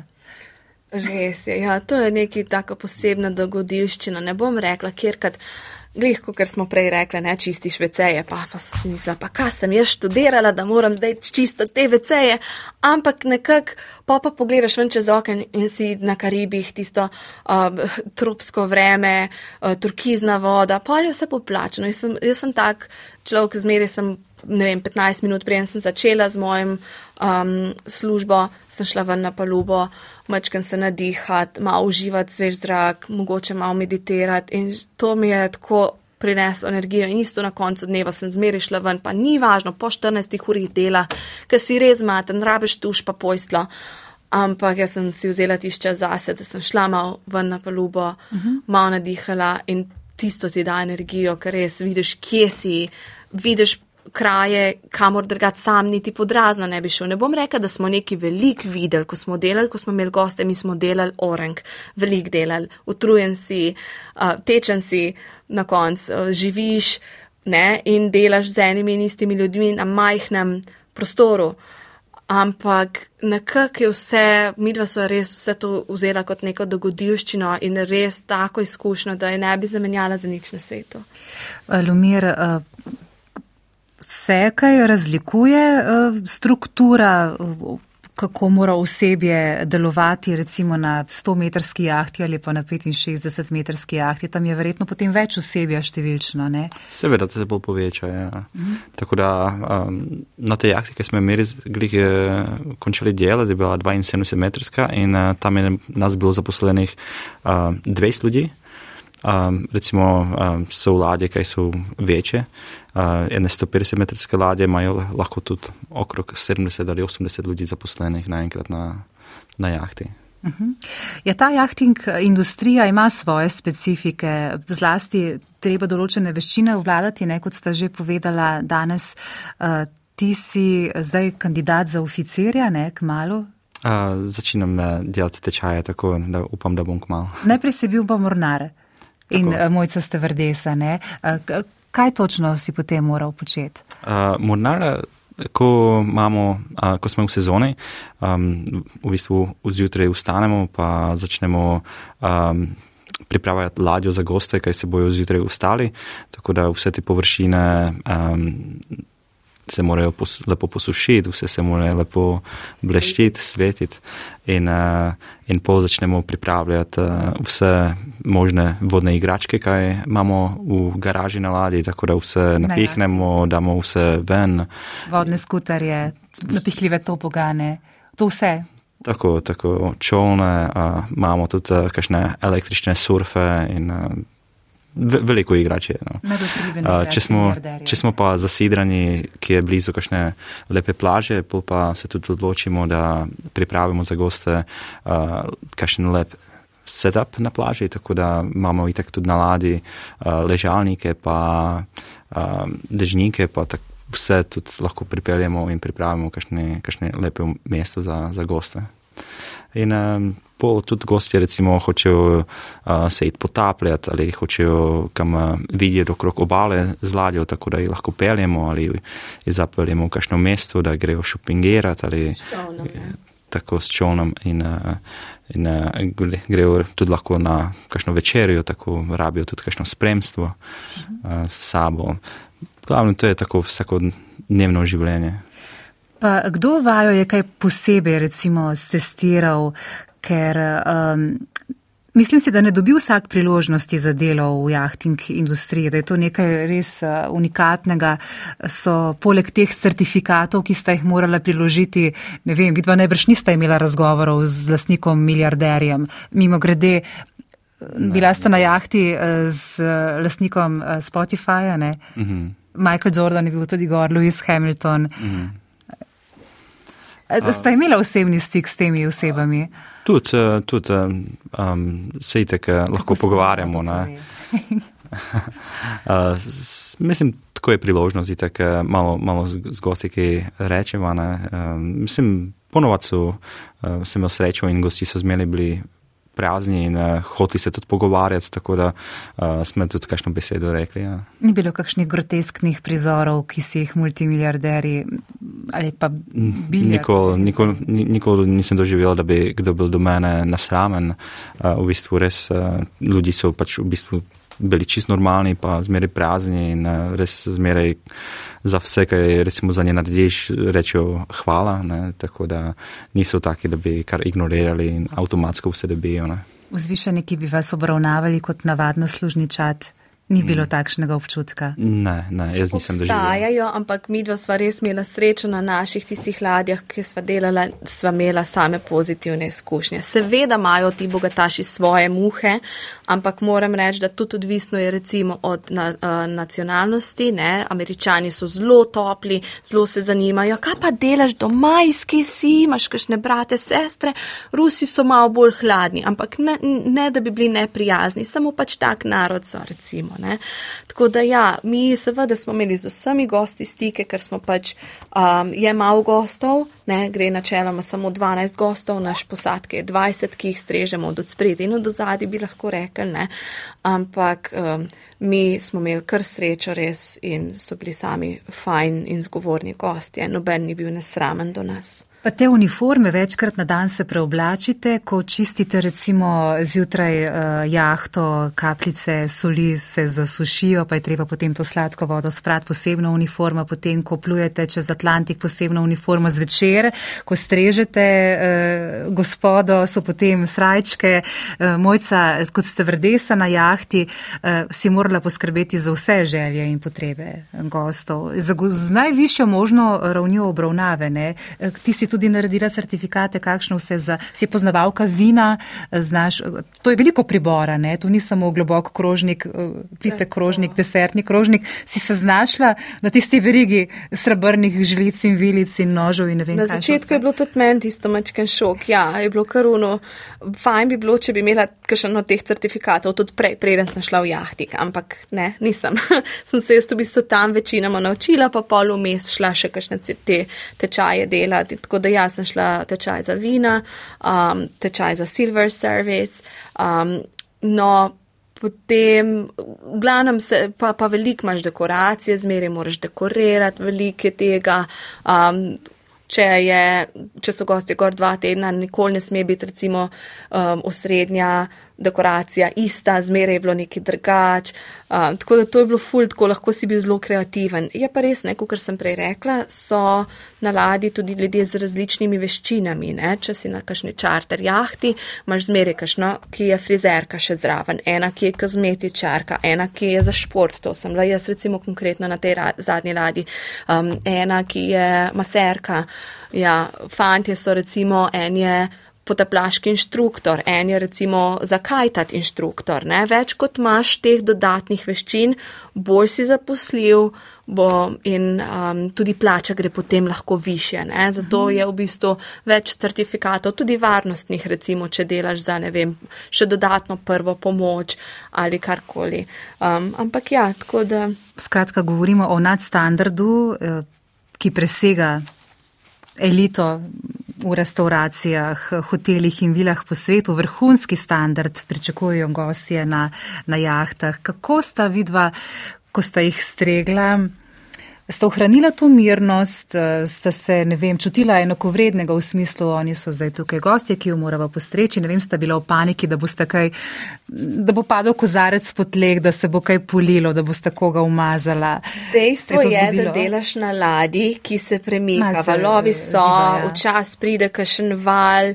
Tako da se je tudi zgodilo, da je vse iz mize pometalo, vso hrano, uh, um, paradižnikovo omako, vse po um, preprogi, ni bilo lušno, ampak nekako tudi gostje vzamejo to za kup, vseeno smo na ladji. Seveda je vse zavarovano in res, ne, včasih greš solatko ven, postrežeš, pa ti vse odpihne, ne, ker slučajno pride en piš vetra. Uh, se zgodi, ampak kaj češ, ne, na začetku seveda, ko si nov, ti uno, oh moj god, ne, malo zapaničareš, ampak pol nekak, pa tudi recimo, tudi naši čivste vrdesi je padla vilca po tleh, ne, ampak enostavno ne smeš zapaničariti. Jaz sem dosta tak umeren človek, pa ne paničaren in tudi zmeri rečem, tist, ki zafrkne, ti se najhujš počuti. Recimo, če mu pade kozarc pred gosti na tla, se razbije, razlije, kdo se najhujš počuti, ne, ne bom ješ pol šla do te punce, joj, pa nisi pazila, ne, zmeraj v redu je, nič panike, bomo pobrisali, ne. In se zgodi, nesreče se zgodijo, ampak tudi tile gostje vzamejo to za kup, da se pač ladja premika. Mhm. Je pa hierarhija med osebjem stevrdesa, ki je eh, na čelu stevrdes in pa asistentka začetnica. Ti si bila, do, do katere faze si ti prišla? Jaz sem prišla do druge stevrdese, torej ja, čiv stevrdesa, potem je druga stevrdesa, uhum. potem je lahko vodja stevrdes, potem pa recimo ostale stevrdese. Začela sem kot uh, na najnižji stopni in potem počasi greš gor. Seveda je to odvisno, lahko hitro napreduješ, lahko pa da sploh ne, zaradi tega, ker enostavno se ne menja posadka. Če si na ladji, kjer, je, uh, kjer krožijo ljudje kar veliko, to pomeni, da um, ne vem, po sezoni se zamenja cela ekipa, lahko ti hitro gor stopiš stopničko. Recimo na eni drugi ladji, ki sem bila, je bila čif stevrdesa tam že 14 let, druga stevrdesa že 6 let, torej tam, če bi ustala, jaz ne bi mogla sploh prideti gor. Um, ampak vseeno je pa fajn po ene dveh, treh letih malo zamenjati, da svež, eh, sveža energija no, pride. Zaradi uh, zelo zapletenih časov, v katerih smo bili zadnji dve leti in pol, sta morala kar dvakrat predstaviti vajno poroko, pa vendar so vama vajni sodelavci na jahti sredi Atlantika na poti na Karibe pripravili simbolični poročni obred. In uh, tista skladba je takrat igrala, ki jo bomo zdaj le slišali. Westlife, Beautiful in White. Kdaj se je bilo lepše poročiti? Takrat sredi Atlantika, res, kdo si lahko privošči tako poroko, ne? saj je bila res simbolična, ali potem uh, na Češkem, kjer sta se pa letos potem vzela 6.6. Oboje je bilo tako posebno, seveda ta prava poroka je vseeno tiste, pikica. Z družino tukaj. Ja, z družinami obkrožena, ampak tudi tista ta prva ja, je bila v smislu, eh, zaradi korone sva res dvakrat mogla predstaviti, pa tudi ne samo zaradi korone, tudi zaradi dela, ne, posledično zaradi korone.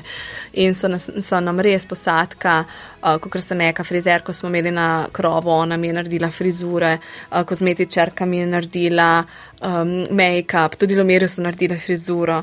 Uh, imela sem eno tako prelepo belo oblekico dolgo, ki smo jo sicer drugač kot uniformo imeli za grški večer.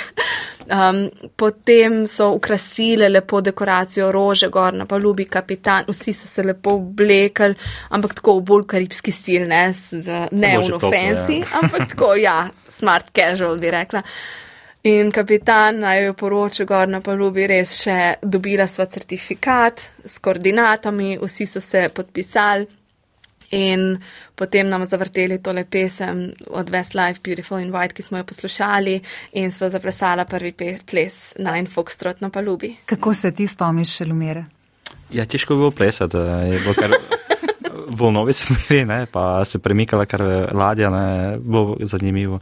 Ampak, uh, mislim, um, to, da se poroči človek ne, z mojo ženo v sred Atlantika in razgled, da je more vse posod in mer, je bilo res uh, fantastično res uh, lepi spomin je to. Mm. Pak, uh, tudi tisti spomin, ko si jo zaročil na češkem, bi lahko povedal, ker je bilo zelo simpatično, ko sem prvič slišala to zgodbo. Uh, je bilo to, kako se je ja, na, na češkem je nam priljubljen en taki hribček, ki je v moji vasi in tam, ko smo doma, zmeraj greva gor, pa je tam zelo lepo je razgled, pa mojca zmeraj je govorila, kako bi bila tukaj lušna poroka, se poročiti. Um, tako da enkrat, ko smo šli pa gor, sem jim glimil prsten v žepu, da sem uh, načrtoval, da, se, da bom zaročil mojico, ampak sem malo upal, da ne bo govorila o poroki, da nekako lahko jaz napeljem na to. Uh, sme prišla gor in tako je mojica začela o tem govoriti, ne, kako bi bila lušna poroka tukaj, pa vse to je, sem že malo ne vedel kaj. Uh, ampak pol se nekako malo uspelalo, pa pa sem naenkrat samo tako rekel, kaj, pa pa si mi boš vzela za moža, ne. In uh, je rekla, ja, valjda, ampak uh, moraš se me najprej vprašati. Sem rekel, lej, tukaj sem, tukaj si ti, ajde, boš se mi vzela za moža pa si verjetno, itek, jaz sem tu malo tako že na hec uh, napeljal, pa ona si mislila, da se jaz hecam, ampak eh, jaz sem itek vedel, da, da sem zares. Uh, v glavnem je rekla, da um, ne. ne boš si me vzel, ne? in sem rekel, itek, da se ti bom, ampak se nisi niti na kolenu po, pa sem še na koleno. sem rekel, si mi boš zdaj vzela za moža in je rekla, ja, se nimaš prsten. Sem rekla, ampak jaz ga imam. Sem ga škatico potegnil iz, iz moje jakne in je tudi ne verjela, ne? se nimaš prsten. Sem rekla, itek da imam, bo si mi vzel za moža in pol je verjetno ji, ji prišlo, da res se hočeva poročiti. in je rekla, da ja. Ja, malo je bilo tako, Uh, mislim, super je bilo, ampak jaz res mi nisem verjela, kaj tak ne se zna hecati, pa tako, pa si mislila, ja, seveda te bom vzela, ne, sem, ko me boš zaprosil enkrat, ne, ja, zdaj te prosim, ja, pa se nimaš prstana, ja, pa ga imam, ja, In sem mislila, da so kakšni uhančki, mogoče, kaj pa jaz vem, ne? In pokaj je odprl tisto, jaz tisto sem ga po moje na 15 kot vprašala, če je resen, če resno mislim. Tako da je bilo res. Ampak bilo zanimivo, v bistvu. No, jaz sem, ja, jaz sem čakal, če, če bo res ta priložnost in v bistvu je padla nekakva ta priložnost. In, ja. in, in perfektna lokacija, vse zeleno, ker to je res na vrhu hriba, travnik in razgled tako lep, da, da res ne, ne bi mogla biti lepša lokacija. Čudovito. No, zdaj pa uh, imamo tri goste, ne? imamo uh, enega v trebuščku. ja, res je. Ki pride uh, na Valentinovo. Podsuhrano. pa je res. Drugače, vas smem vprašati, kako se gibljajo, v kakšnem raz, razmahu plače v jahting industriji. Recimo, mislim si, da uživaš, če tudi si osebje, luksuzno življenje in pa da ne zapraviš veliko, ne, da ti potem lahko dosti ustane. Tako je, ja. če živiš na jahti, v bistvu torej nimaš tistih stroškov, ne? ne rabiš plačevati za stanovanje, za stroške, za hrano, ker vse imaš tam. Zato se da v kratkem času recimo prišparati dosti časa, eh, dosti denarja. Lahko pa seveda tudi velik zapraviš, ker na destinacije, kamor greš, je vse tu drago. Ne? Če greš po Karibih ali pa Južno Francijo, vse je drago. Zdaj moraš pa paziti, pa vedeti, kaj so tvoje prioritete. Nama so vedno bile prioritete, da bova si zrihtala stanovanje in sva res ful šparala denar, nisva veliko ven hodila, nisva veliko, ne vem, popivajo ljudje radi, ne, sploh angleži, ne, so pač tak narod, da veliko piva pijejo. In Um, tako da sva kar šparala. No, ampak nekje, nekako, če greš v industrijo, nekje standard je med 2200 do 2500 evrov za začetnika. Seveda lahko je tudi manj, lahko je tudi več, to je nekje standard tam. Potem pa, ko sem nekaj več, kot imaš izkušenj, več kot imaš certifikatov, potem plača raste. Ne? Pa lahko si potem tudi že zbirčen, ko imaš izkušnje, ne? če imaš neko dobro kilometrino za sabo. Tako da recimo, ne vem, um, čifste vrdese imajo lahko že zelo dobro plačo, pa je to tudi odvisno, koliko časa že delajo za lastnika. Ne, ne vem, Odvisno, tista, kakšne velike ladje so. koliko velika ladja je, ja, tako da ne vem, čifste vrdese imajo lahko na pamet, rečem zdaj, mogoče 6 tisoč, 7 tisoč, tudi 8 tisoč evrov. Odvisno, ne? recimo, če deset let že dela za enega lastnika, seveda je že praktično skoraj članica družine, veš, da bojo poskrbeli za njo. Ne? Um, kapitani imajo okrog, ne vem, uh, načeloma se v industriji ne govori glih o plačah, tudi mi med sabo, delavci, ne, ne moreš kar vprašati sodelavce, ej, koliko imaš pa ti plače. Ne, ne, tudi v pogodbi imaš načeloma, da ne razkriješ tega. Um, Ampak ne vem, predvidevam, da imajo neki kapitani cirka 10, 12, 15 tisoč evrov mesečno, ne, to govorim, kar je precej. Je pa res, da si pa skos na morju, ne. In se tudi odrekaš, ne, Tako. družini. Ja, ja, si velik z Tudi doma. odgovornost je velika. Ne, tudi Tudi. Ja, je pa dobro, ne, ker recimo lahko imaš pa tudi rotacijo, ne, v smislu dva meseca delaš, dva meseca si doma, kar pa gre, ne, usklajevanje z družino.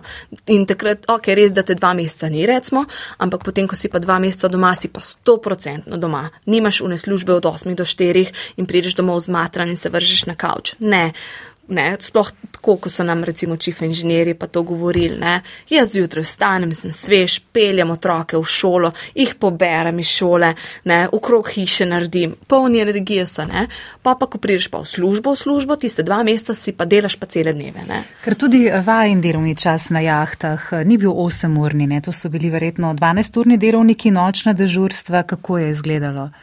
Tako, ja, ponovat, ponovat kot ma, imamo goste, je, je res, uh, delamo na polno in uh, dela se tam tudi po 12-13 ur na dan. Uh -huh. uh, če ima kdo uh, nočni izmenek, pa, po pa mora biti celo nočni, en po koncu. Drugače, eh, Lumir, tvoja naslednja destinacija bo Majorka, če sem si prav zapomnila. In ti imaš željo, ker te je zelo pritegnil zdaj ta eh, svet eh, jahting industrije, da bi rotiral ne dva meseca kot mornar, eh, plul po svetu dva meseca doma z mojco in družino.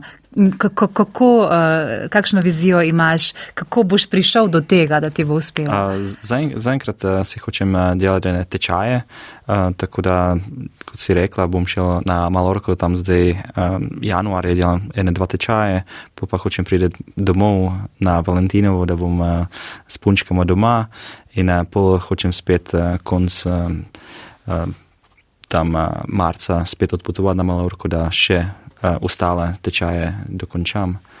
Uh, in uh, to mi bo pomagalo, da v prihodnosti, da bom lahko naredil službo, da res to sanjsko, da dva meseca sem doma in dva meseca lahko delam. Če se bo vse poklopilo, če bo vse zvezde pa planete v eni liniji. Ne? Jaz mislim, da se dobrim ljudem lahko naredijo tudi dobre stvari, čeprav se včasih prav dobrim ljudem ne, ampak eh, če gledamo vajno pot ne, do tu, ni bilo kakšnih hudih tektonskih Ne, ne. mojca zate, samo tisti potres takrat ne, v Črčevi, Na ne, Novi Zelandiji. tako ja, ker je takšno območje, ne. Mi smo taki dva, da ne čakamo, da nam kaj pade ne, v naročje, ampak, eh, ampak nekaj naredimo za to.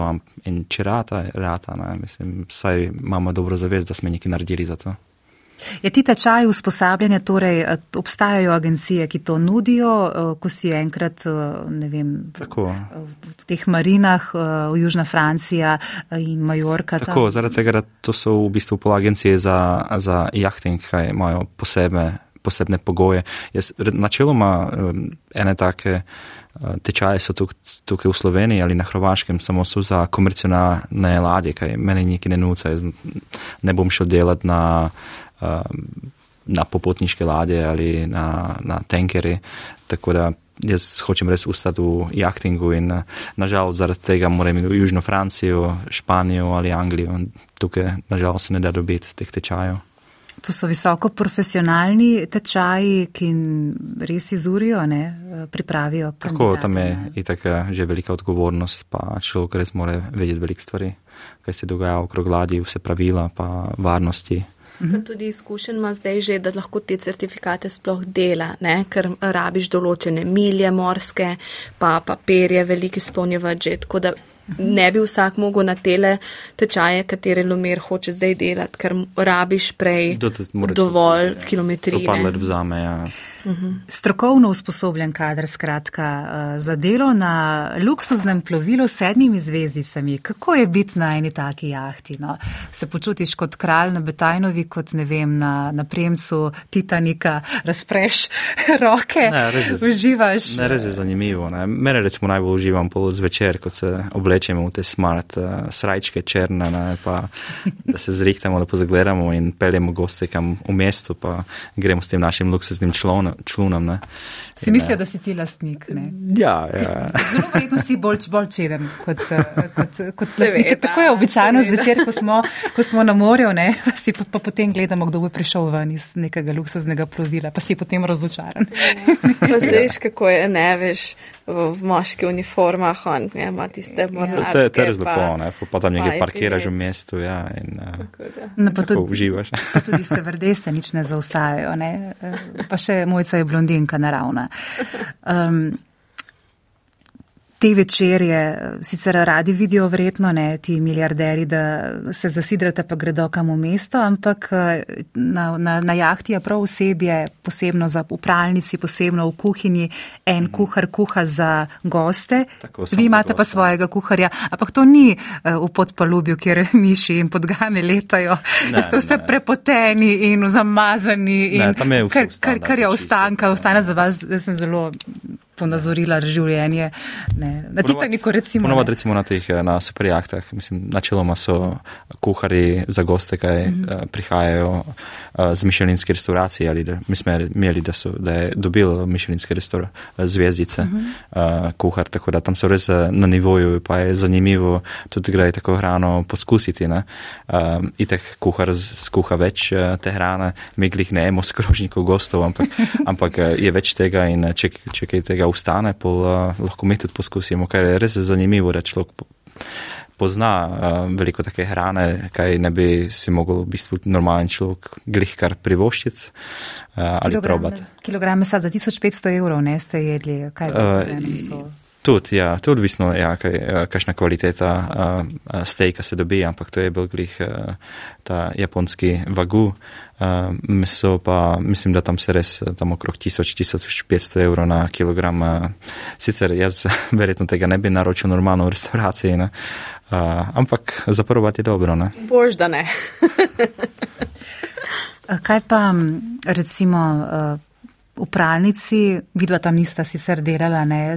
Ti, ti si delala v pralnici tudi. Strdese se rotirajo. Aha, eh, si potem prala tudi perilo, eh, obleke od gostov. To so lahko najvišjega cenovnega razreda luksuzna oblačila. Kaj, če bi zafrknila program v pralnem stroju, se bi počitnice za gosta lahko končale? Mislim, se vem, da ima toliko denarja, kot si ga mi ne moremo predstavljati, ampak mogoče pa naveza na svoj armani. Ja, tudi to se zgodi. Si se zgodi in spet kaj češ, pač nisem za nalašč. Ampak ja, načeloma uh, vsaka nova punca, ki pride, jo kar orang um, streniramo, uh, oziroma smo jo strenirali. Um, tudi jaz sem se mogla marsikaj naučiti. Um, gre za to, da je v pralnici je skoraj v bistvu najbolj stresno delo. Zaradi tega, ker je res velika odgovornost, pa velike vsega. Vse imaš in za posadko moraš torej tri uniforme dnevno, vse preprat pa nazaj vrniti isti dan. Potem, da ne govorim o, o oblekah za goste, kot so Versace, Gucci, Dior, vse to. Uh, seveda zmeraj preberi nalepko. Če nisi siguren, vprašaj čivste vrdeso. Če piše, da mora v čistilnico, niti podrazno, čeprav ti pošiljajo skozi dol, niti podrazno prat, ampak samo nazaj do gostom. Neč, sorry, lej, mora v čistilnico, vse en. Se pa tudi zgodi, da se kakšna nesreča zgodi. To pa pač um, se pa opravičiš. Tisti, ki dela, tudi kako napako lahko naredi. ne. Um, a vajo kdo odsuka za rokav, ker uh, imata res uh, silo, silo zanimivo življenje, sta živela in še jo bosta, ne, še, še ga bosta, uh, se zanimajo najbrž ne, kako priti do takšne službe. Uh, to so. Um, Zelo dragocene veščine, ki jih nudijo ti tečaji, odlična investicija, znanja, naložbe, uh, ta profesionalna usposabljanja. Tudi oni bi se radi ukrcali na krov takšnega luksuznega plovila, verjetno. Ne? Imate veliko takšnih vprašanj kandidatov, ki prosijo za, za kakšen stik, povezavo, vezo, priporočilo. Nekaj jih je, ampak ne velik. Bolj so tako, bolj kot vprašanja, ampak ni pa veliko ljudi, ki bi se dejansko odločilo ali pa upalo pustiti službo tle in iti v tujino. Vseeno je to riski. Preden smo mi šla v Južno Francijo, smo mi dopustila službe tle, ki so jih imela in so kolegice. Ja, ampak imaš službo pol tam v Franciji? Ja, ne, nimam, pač tam bom šla in jo iskala. Ne razumejo, ne, ono, pač mi dva sva imela nek cilj, višji cilj in sva vedela, da pač ne bova šla domov, dokler ne bova našla.